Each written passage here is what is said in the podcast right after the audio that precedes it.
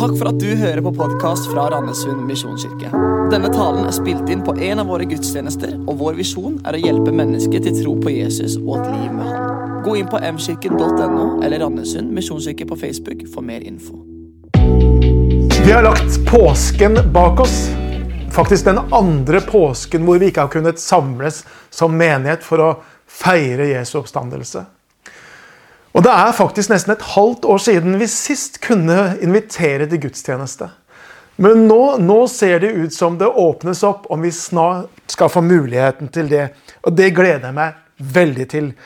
Og Personlig så har jeg kjent på et, et stort, stort savn av dette å kunne samles til gudstjeneste og være med i lovsang sammen og være med i bønn og lytte til Guds ord sammen. Og jeg vet at jeg ikke er aleine. Vi har nettopp eh, valgt et nytt lederskap i menigheten. Og jeg spurte noen av de nye der hva de savnet med det å ikke kunne samles som vi pleier. Det jeg savnet mest i denne koronatiden, er å treffe folket. Gleden i lovsangen og praten rundt kaffekoppen, sier Bodil Sagen. Og Ørjan Bredvei, også han ny i lederskapet, sier det jeg savnet mest når vi ikke har kunnet møte fysisk i kirken, er den ukentlige muligheten til å feire Jesus sammen, som et fellesskap.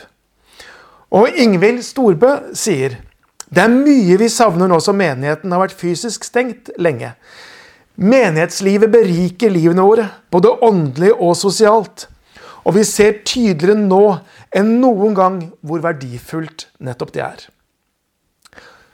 Og jeg tror det er mange av oss som kjenner det igjen, litt på samme måte som, som Ingvild og de andre sier her.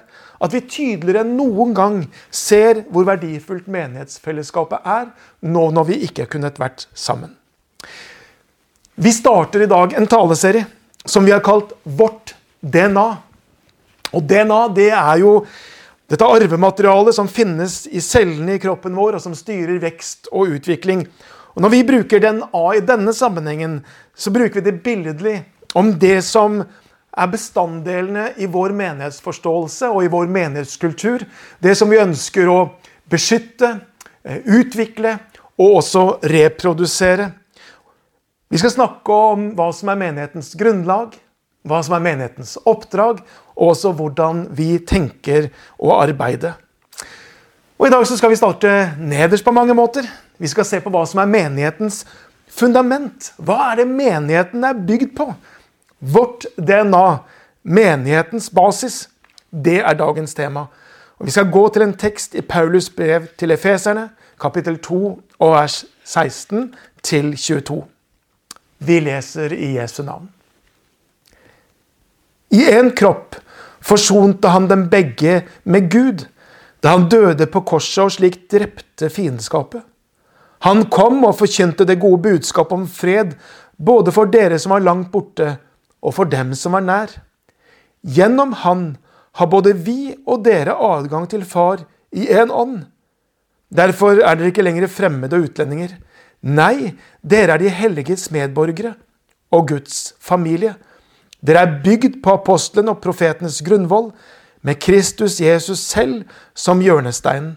Han holder hele bygningen sammen, så den vokser til et hellig tempel i Herren. Og i ham blir også dere bygd opp til en bolig for Gud i ånden. Det første vi skal ta med oss fra denne teksten, det er dette at menigheten er et enestående fellesskap. Og enestående er det i bokstavelig forstand. Det finnes ikke maken til dette fellesskapet som menigheten er på hele jorda. I teksten så leste vi det slik Dere er de helligets medborgere og Guds familie. Et unikt fellesskap som ikke har sin opprinnelse i årsak i noe her på jorden eller noe i det menneskelige, men som har sin grunn i Gud og Jesu verk for oss. Og Det som gjør dette fellesskapet både så unikt og gjør det mulig, det er det Paulus sier i vers 16. I én kropp forsonte han dem begge med Gud da han døde på korset og slik drepte fiendskapet. I påsken, som vi nettopp har feira, så forsonte Jesus mennesket med Gud. Og dermed også menneske med menneske. Fiendskapet er drept, sier denne teksten her. Og et nytt fellesskap har vokst fram. Det formes en ny slekt. Vi er Guds familie. Vi er blitt Guds barn, og ved det fått del en, fått en ny ett sammen med alle de som har fått erfare nettopp det, at Gud er far. Det er etablert et nytt rike, og alle som har latt seg forsone med Gud, har blitt de helliges medborgere. Det at vi har erfart Guds nåde i våre liv, ja, det eh, binder de kristne sammen på en måte som ingenting annet. Det blir den viktigste delen av vår identitet. Det blir det dypeste laget i hvem vi er. Ja, vi er kristne, vi er forsonet med Gud. Paulus sier det slik. Her er ikke jøde eller greker. Her er ikke slave eller fri. Her er ikke mann eller kvinne. Dere er én i Kristus Jesus. Menigheten er et fellesskap på tvers av alt som vanligvis skiller. Det er et unikt fellesskap. Iselin, som også er nyvalgt inn i lederskapet, sier det beste ved å være en del av menigheten er å ha en plass en kan komme til hvor en føler seg godt tatt imot, få gode relasjoner på tvers av generasjoner og få oppleve det å være en del av noe som er større enn seg selv. Menigheten sier Iselin, det er et fellesskap på tvers av generasjoner, men også av alt annet som kan skille. Det er en ny familie bundet sammen med blodsbånd, nemlig det blod som ble utøst på korset da Jesus ga sitt liv for oss. Menigheten er bokstavelig et fellesskap ut av en annen verden. Når vi er samla til gudstjeneste, når vi er samla som Guds menighet, så er en dimensjon av det fellesskapet noe som tilhører evigheten selv. Guds rike er kommet nær, sier Jesus. Det betyr at himmelen, evigheten, har landet iblant oss. Og Når menighetsfellesskapet fungerer slik det skal, så er det et glimt av himmel på jord. Når vi deler nattvær, Herrens måltid, ja, så er det en forsmak på den himmelske fest. Når vi erfarer at Gud berører oss og gjør tegn og under, ja, så ser vi glimtvis at Guds rike det er midt iblant oss. Når Ånden virker på oss og vi fornemmer det, ja, så er det en pakt, så er det en pant på den tid som kommer. I lovsangen så kjenner jeg det noen ganger sånn at sånn tror jeg det blir i himmelen. Når jeg hører gaver som er i funksjon, så kjenner jeg at Gud taler til meg der jeg sitter. Når jeg opplever en atmosfære av, av Guds nærvær, så tenker jeg sånn blir det å møte Han ansikt til ansikt. Som en har sagt det, det finnes ingenting som det lokale menighet. Når den lokale menighet fungerer som den skal, den forvandler liv. Hjerte etter hjerte, sjel etter sjel, liv etter liv. På en lederkonferanse for noen år siden sa den svenske pastoren Rudar Eldebo følgende om menigheten. Guds menighet er det vakreste som fins. Gud har med sin fantastiske skaperkraft skapt så mye utrolig vakkert. Norske fjorder og fjellheim. En sommerfugls lette flukt. Sørlandets skjærgård. Hvite sydhavsstrender. Solnedgang over Grand Canyon men vakrere enn alt dette er Guds menighet. Gud som møter mennesker. Kjærlighet til hverandre. Ord som lyder. Ånden som virker. Og så ser Runar Eldrebo utover forsamlingene med gnistrende øyne og sier Guds menighet er det vakreste som finnes. Og jeg er så enig. Jeg er nå en strålende alder av 54 år og har gått i menighet i hele mitt liv. Og jeg er så utrolig enig. Guds menighet er det vakreste som fins. Og så vet også jeg at i menigheter så skjer overgrep, manipulering, egoistiske ledere, ødeleggende konflikter. Og Ofte er det jo nettopp dette som på en måte vi ser i media og andre steder. Det er mulig jeg har vært spesielt heldig, men jeg har vært en del av tre menigheter over lengre tid. Misjonskirken i Mjøndalen i 19 år. I Arendal 16 år og her i Randesund snart 9 år. Og min erfaring fra menighet har nær sagt utelukkende vært positiv. Som barn opplevde jeg å bli sett av trygge voksne. Jeg fikk Jesus presentert på en måte som gjorde at budskapet slo røtter. Som ungdom hadde jeg det fryktelig mye gøy. Men det var et trygt miljø, det var gode venner, og jeg fikk hjelp til at troen ble bevisst hos meg. Som foreldre så ga menigheten oss helt uvurderlig støtte i det å kunne gi våre barn en, en kristen oppvekst og formidle tro til dem. Og I mindre grupper så fikk vi også anledning til å snakke om det. Om de utfordrende tingene ved å være både et ekteskap og, og å være familie. I tillegg til det så har jeg vært ansatt i menighet hele mitt yrkesliv. Det kan være utfordrende. Og Det er mange historier om pastorer som opplever menigheten krevende. Men min erfaring er at menighetene jeg har betjent, har vært enestående i omsorg, i støtte og i backing av meg som ansatt. Selv under, nå, under pandemien, hvor vi ikke har kunnet møtes, så har jeg kjent på omsorgen fra menigheten. Oppmuntrende meldinger. Sånne gode, små samtaler når vi har vært truffes. Opplevelsen av støtte. Jeg tenker ikke noen organisasjon eller forening i samfunnet er i nærheten av å kunne tilby et slikt fellesskap. Jeg kjenner at i denne menigheten ja, så er vi søsken, brødre og søstre. Vi er Guds familie, og vi er de helliges medborgere. For noen år siden så var jeg i New York og så stedet der Twin Tower hadde stått. Da var de i ferd med å bygge opp igjen det som skulle bli One World Trade Center. En høyblokk som skulle bli 541 meter høy og 104 etasjer. Da jeg var der, hadde det ikke kommet så langt, så det som imponerte meg enormt når jeg var der, det var et gedigent fundament som de hadde bygd. Et fundament som var 54 meter høyt, som strakte seg langt under gateplan. Og der var på en måte festa til grunnfjellet, men det strakte seg også langt opp over gateplanen. Hvorfor dette fundamentet? Jo, for at de kunne være sikre på dette enorme byggverket kunne stå støtt og tåle en trøkk. Alt vi bygger, om det er konkret eller om det er overført betydning, det står og faller om det er godt fundamentert.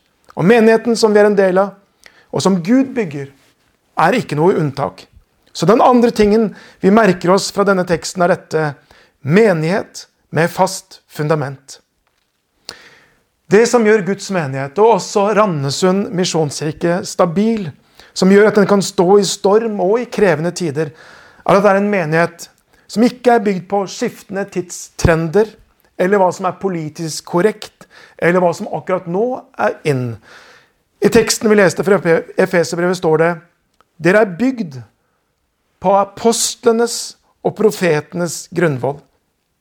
Den grunnvoll vi er bygd på, den grunnvoll menigheten er bygd på, det er apostlene og profetenes grunnvoll.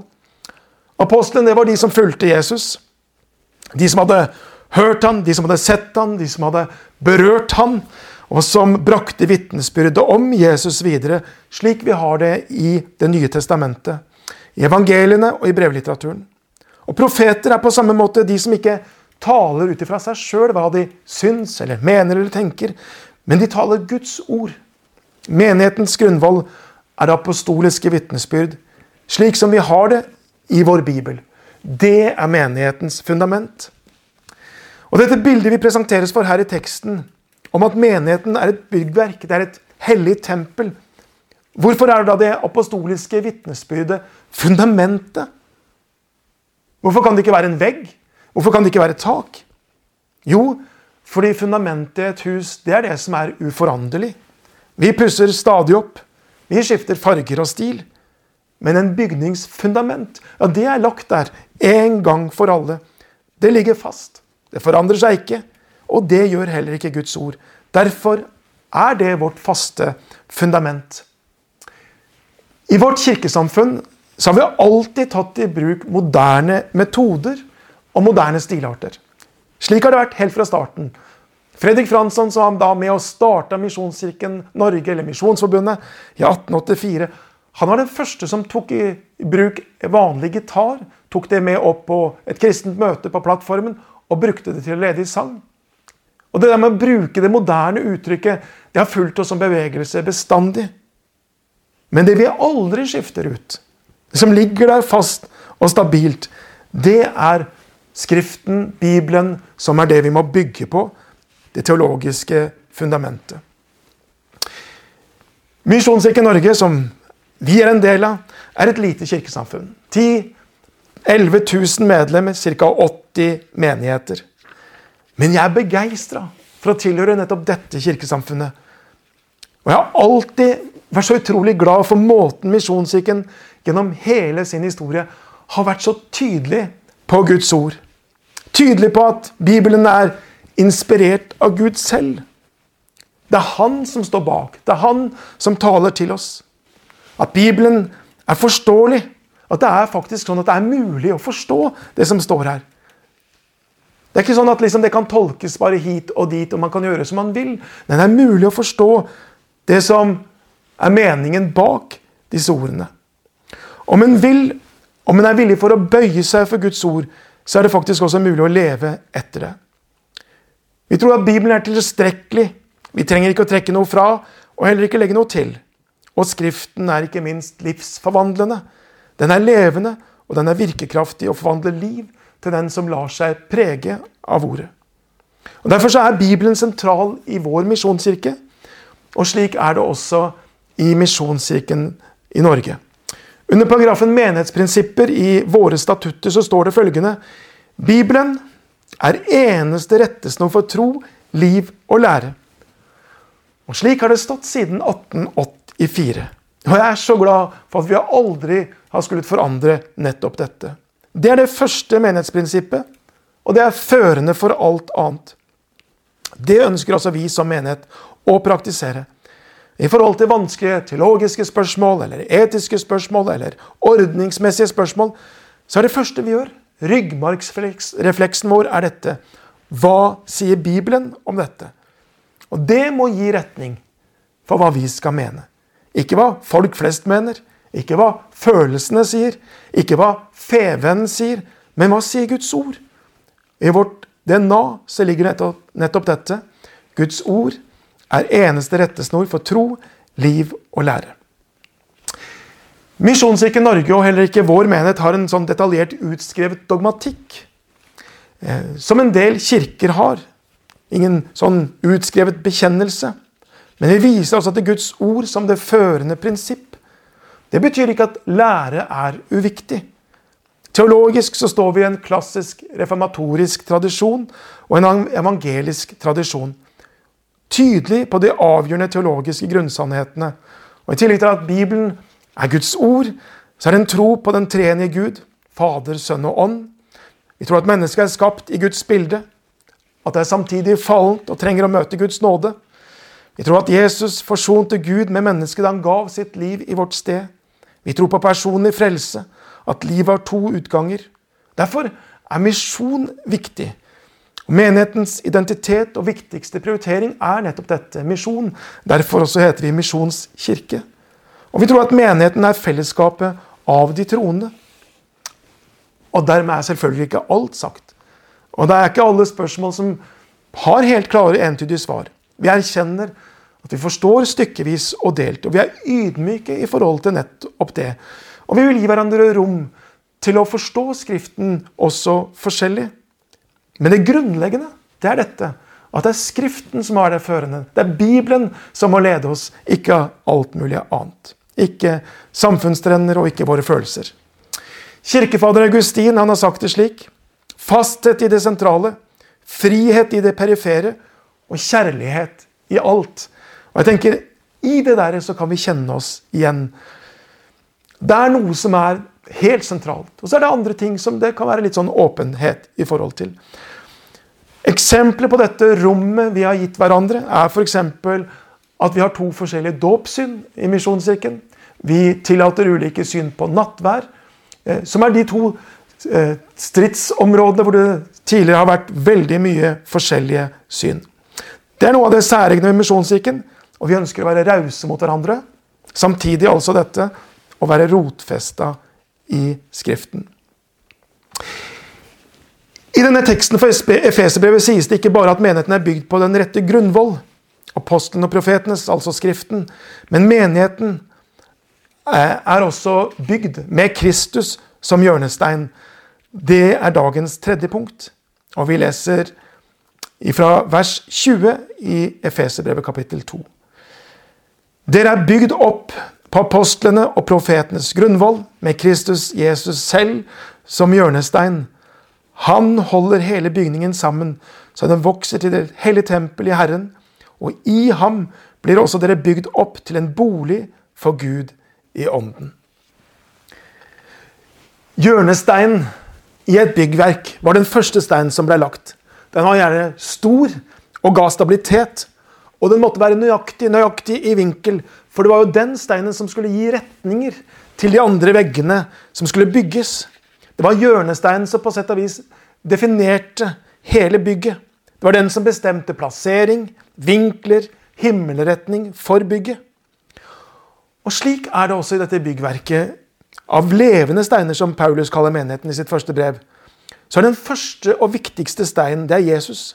Det er han som må definere menigheten. Det er han som må gi menigheten retning. Og fra Kristus som hjørnestein er at menigheten må vokse fram.